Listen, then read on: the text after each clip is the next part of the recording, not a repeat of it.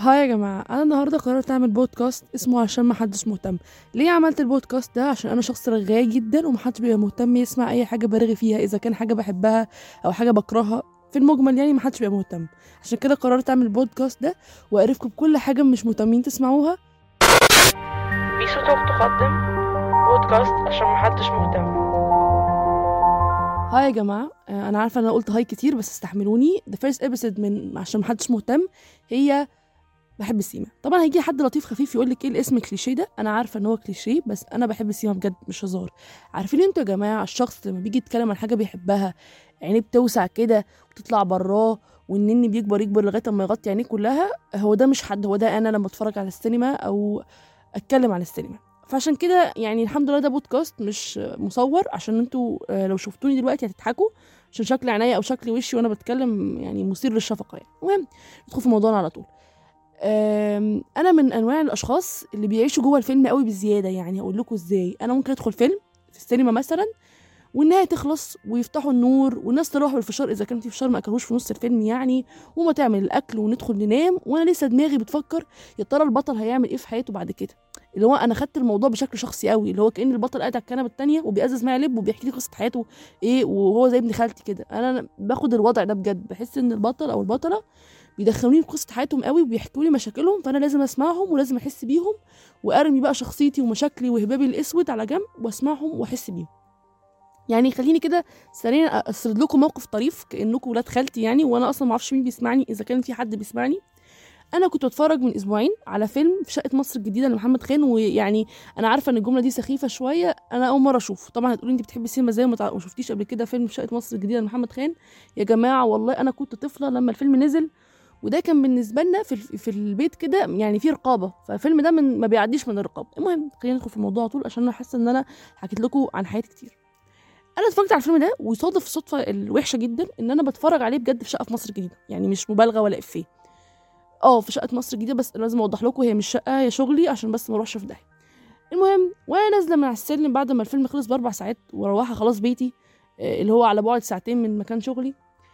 آه، وأنا نازلة على السلم عشان الاسانسير كان عطلان أو مش عطلان كان في حد فتح الباب الله يحرقه يعني. وأنا نازلة كده لمحت الأسانسير القديم ده عارفينه؟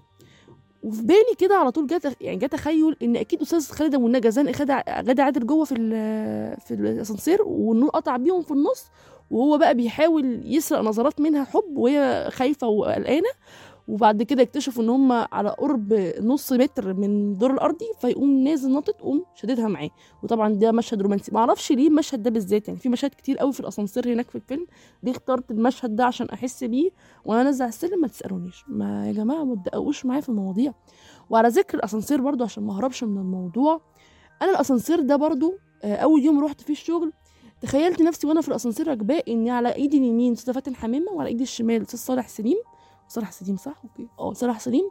وهو في فيلم الباب المفتوح بيحاول يبص لها ويحبها. ليه نظرات الحب في الأسانسير مش عارفة بس أنا كل ما أشوف الاسانسير ده بفتكر نظرات الحب إذا كان بين خالد أبو النجا وغادة عادل أو فاتن حمامة وصالح سليم. هل أنا بنظر لحد بالحب في الأسانسير؟ لأ. أنا معظم الوقت بيبقى طالع معايا البواب اللي أنا مش طايقاه يا حد في الشغل برضه مش طايقاه. فيعني نظرات الحب دي للأسف ما بتتلاقاش في الأسانسير عندنا. بس برضه لما بمشي في مصر الجديدة بفتكر فيلم هليوبلس لاحمد عبد الله لأن أنا شغلي في حتة مقربه جدا من مكان التصوير اللي اتصور فيه الفيلم أو مش اتصور فيه الفيلم هو اتص- هو اتصور في هليوبلس وأنا في هليوبلس فكل المشاهد دي شفتها قدام عيني face to face يعني.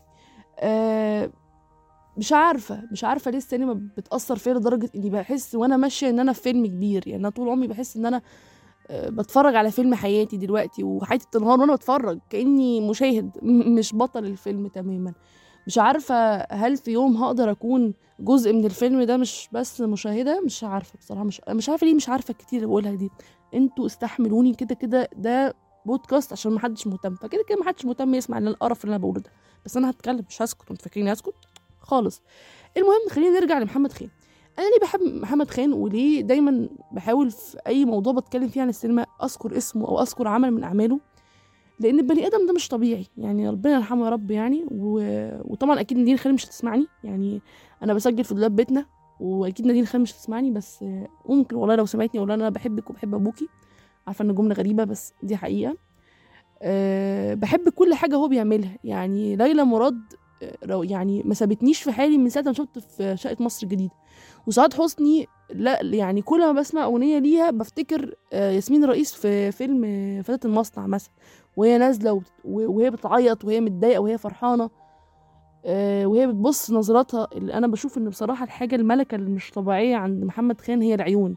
يمكن ما حدش لاحظ النقطة دي أو حد لاحظ مش عارفة بس أنا بجد بحس بكده بحس إن هي بي بيركز على العيون بشكل تخليك حاسس إن العين بتتكلم مش مش بس يعني مش مش, حاجة close up وخلاص كده ماشي لأ العيون بتتكلم. ويمكن نفس الممثلين دول لو شفتهم في أفلام تانية اتعمل لهم close up على عينيهم ما تحسش بالكلام ده فتحس إن هي دي مش مش ملكة عند الممثل هي ملكة عند المخرج. يعني في مصر في شقه مصر الجديدة أنا أول مرة أشوف عيون غادة عادل بتتكلم. بجد والله مش مبالغة ولا إفيه يعني. كذلك ياسمين الرئيس في فيلم فتاة المصنع وكذلك ميرفت أمين في زوجة راجل مهم. ولو لاحظتوا معايا في كل الأمثلة دي إنه أكتر حد محمد خان بيتكلم عن لسانهم هم الستات مش الرجالة. زي احسان عبد القدوس كده تلاقي معظم كتاباته عن الستات مش عن الرجالة أو يعني بنظرة الستات مش الرجالة. فكذلك محمد خان أنا بحس إن أفلامه كلها ما كانش أبطالها ستات. هو بيتكلم عن الستات مش عن الرجالة عن مشاكلهم. يمكن محدش يفهم قد إيه ست أو بنت تبقى في العشرينات هي حلمها حياتها كلها إنها تقابل حد وتحب واحد وتبقى دي مشكلتها الكبيرة وتبقى دي رحلة حياتها ورحلة بحثها عن من يحبها وتحبه في زي ما حبت هاني عادل كده. وزي ما تخطت يعني boundaries كتيرة أو حدود كتيرة بتاعت مجتمعها عشان تحب هاني عادل. فلا يا جماعة محمد خان بيتكلم عن الستات وعن مشاكل الستات اللي المجتمع ما بيشوفهاش.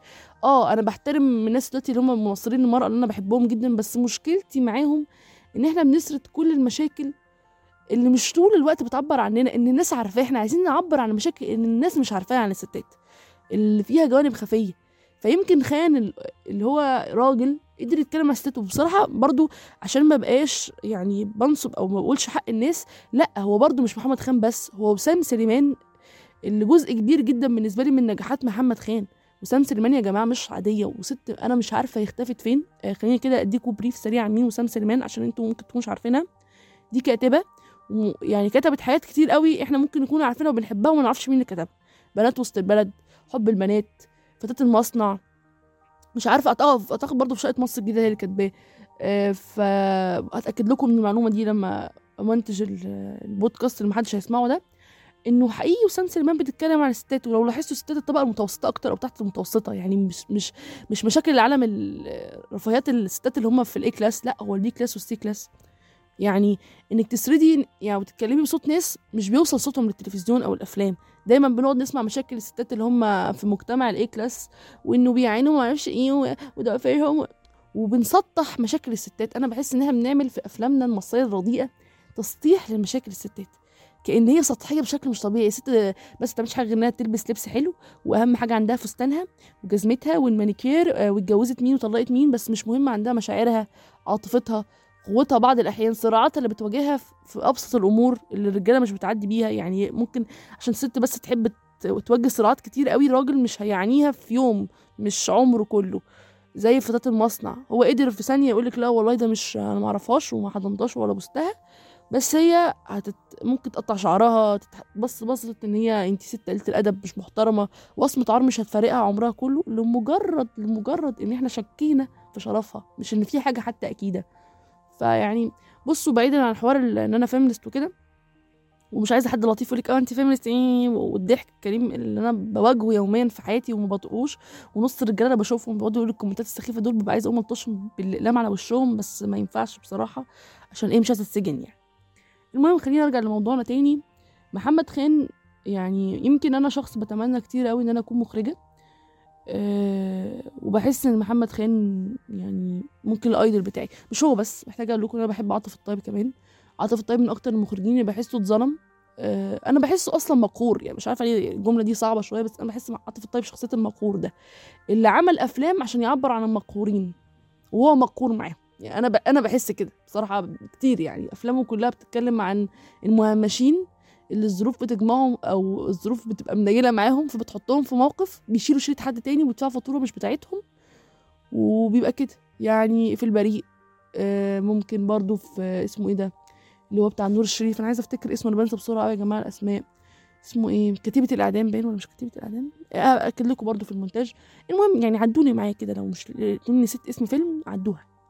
أفلام كلها كتير بتاعته بحس إن هي بتتكلم عن المهمشين اللي مشاكلهم بسيطة الحياة بتوقعهم في مشكلة كبيرة وبيدفعوا تمن ما دفعوش وبتقعد انت تعيط ورا الشاشة بقى. أنا بحس كده يعني أنا بحس ده عاطف الطيب.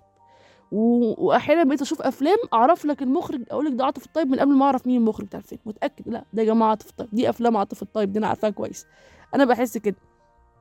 دي مش حاجة وحشة على فكرة عشان في ناس بتشوف إن دي تكرار أو إنه إيه يعني كل أفلامك عن كذا آه فين ال creativity لأ هي ال creativity بالنسبة لي حاجة وال fingerprint حاجة تانية إنك تسيب بصمتك في كل عمل يبقى المشاهد يبقى يشوف العمل ده يقول لك آه ده ده إخراج فلان الفلاني مش آه تكرار لأنه أنا ما شفتش إن في فيلم كرر فيه آه مشكلة بس هو في fingerprint كده في مواضيع هو بيهتم بيها هو حاططها أولوية ليه أنا هخرج فيلم عن كذا كذا.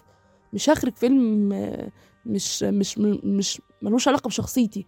مش لازم ان هو يحط رايه ووجهة نظره لأ يحط ال priority يعني الأولوية بتاعته في فيلم كذا. أنا بحس ده عاطف الطيب يعني. وخان برضه في بعض الأحيان بس خان بحس إن في حاجات كتير قوي بستغرب إن بتاعت خان مثلا. اللي هو أنا اكتشفت بالصدفه إن أيام السادات بتاعت خان هو فيلم حلو وأنا بشوف إن أيام السادات تحفة ويعتبر من أفضل الافلام ال biography في مصر. أنا أصلا بشوف إن إحنا عندنا مشكلة في مصر إن إحنا ما عندناش رصيد كبير قوي من أفلام ال biography الحلوة. كلها بتبقى fake وكلها بحس إنها تطبيل للشخص. يعني إن إحنا نجيب شخص نمجده نقول إن هو جاي من الجنة عشان هو حبيبنا عشان هو مات. فيا جماعة اذكروا محاسن موتاكم. كلها يا جماعة الأمور ما بتمشيش كده. ال biography ما بيمشيش كده. إحنا لما بنشوف أفلام برة أو ال biography بتاع برة. الناس بتقول الحق عن شخص بتشوف الجزء السيء منه والجزء الحلو. رغم إنه رغم إنه ممكن يعني لأن دي الواقعية. يعني مش إحنا حد مات فإحنا ما نقولش إن هو كان غلط في كذا أو صح في كذا. جماعة إحنا بني آدمين يعني. مش ملايكة بجناحات ولا شيطان بسلطان يعني. نعديها يعني. المهم إن أنا كده كلمتكم عن ثلاث مخرجين بحبهم. فاضل مين تاني؟ فاضل ناس كتير قوي. داوود عبد السيد خير بشارة. أه بحب مين تاني؟ صلاح ابو سيف ده ده يعني عطف الطيب تلميذه وهو بيحبه جدا. شادي عبد السلام. اللي بحسه في بعض الأحيان أنا أعرفه. ليه بقى أقول لكم أنا أعرفه؟ أو إيه ما يوجه التشابه بين شادي عبد السلام حاسة إنها جملة نرجسية قوي اللي هو أنا و... يعني بحط نفسي في جملة مع شادي عبد السلام أنتوا متخيلين الدناءة؟ المهم عدوها يا جماعة. والله العظيم بودكاست محدش مهتم يسمعه.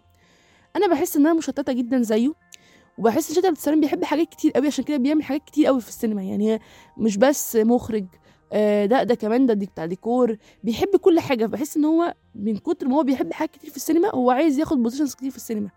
ورغم ده رصيده الفني قليل قوي. يعني ممكن حد يقول لك إيه في كام فيلم عامل شادي عبد السلام؟ لا يعني فيلم أو فيلمين. ومش كل الناس تبقى فاكرة أفلام كتير ليه. هو الموميا أكتر فيلم معروف شباب السلام يعني. هو ده وما أعرفش أصلا في أفلام تانية ولا لأ بس أنا اللي أعرفه اللي أنا أعرفه عن شباب السلام هو موميا. ما أعرفش حاجة تانية عنه. ولما كنت بتكلم مع ناس ليهم علاقة بالفن كانوا بيحكوا لي دايما إن هو ده ده الفيلم الشهير ليه وإن هو رصيده الفني مش مش كبير للدرجة ودي حاجة تضايقني يعني. المهم عشان ما أطولش عليكم أنا أصلا أنا بقالي قد إيه بسجل. بس إن أنا نفسي في يوم من الأيام البودكاست طبعا ما ما حدش يفتكره لو اتشهرت. يا رب يعني يختفي كده يعني همسحه إن شاء الله. أنا همسح البودكاست ده أول ما اتشير واتعرف. آه اللي هو بكرة إن شاء الله أنا متأكدة يعني. آه نفسي أكون مخرجة. بس بقول نفسي يا طب أنت لما تبقي مخرجة؟ طبعا لما أكون مخرجة هعمل إيه؟ يعني إيه يا بيسو؟ هعمل إيه؟ أه هل أبقى شبه عاطف؟ الطيب هتكلم عن مهمشين ومقورين ولا زي خان هتكلم عن المشاعر واحط لك أغاني بحبها فتدمج بين الشخصية اللي أنت بتحبها في الفيلم والأغاني اللي أنت بتحبها. يعني أنا حتى الآن كل ما بسمع عبد الحليم بفتكر زوجة راجل مهم رغم إن يا جماعة ما بحبش عبد الحليم ده كده كده يعني. ولا هبقى داوود عبد السيد. أنا بحس داوود عبد السيد جريء يعني سينمته سينما الجريئه ودي مش موجودة في مصر كتير فهو حد مميز. ولا سينما خير بشارة ولا سينما صلاح أبو سيف ولا سينما آه علي عبد الخالق. آه إيه ده يا جماعة؟ إيه ده؟ لأ أنا أنا حاسة إن أنا دخلت يعني بحس إن أنا لما هكون مخرجة مش هكون مميزة زيهم. بس أنا نفسي أكون مخرجة مش هضحك عليكم يعني. ومش عارفة هل انجح في ده ولا لأ لأن أنا في في situation دلوقتي بعيد إن أنا أكون فيلم يعني film maker أو حتى مخرجة يعني. فمش عارفة الدنيا ترميني فين يعني. يا ترى مثلا البودكاست ده هكون بسمعه بعد سنتين ثلاثة وأنا في مكان مهم مثلا ولا في زي ما أنا مكاني لو أنا متخرجة مثلا من إعلام وفي حاجة دارسة فيها في ال marketing. أنا بحب ال marketing بس أنا بحب ال film making أكتر بصراحة. مش عارفة أصلا بجد أنتوا مهتمين تكملوا البودكاست للاخر وتسمعوني دلوقتي ولا أنتوا بتجروا ولا أنتوا قفلتوا أصلا البودكاست ومشيتوا وروحتوا. المهم عشان ما أطولش عليكم عشان أنا مش عايزة أرغي كتير أنا أنا رغيت أصلا. المهم استنوا البودكاست الجاي أو الحلقة الجاية يعني ال episode الجاية عن موضوع شيق جدا. أنتوا هتتفاجئوا أو مش هتتفاجئوا؟ أنتوا أصلا مش مهتمين تسمعوا هتتفاجئوا إيه؟ باي باي يا جماعة.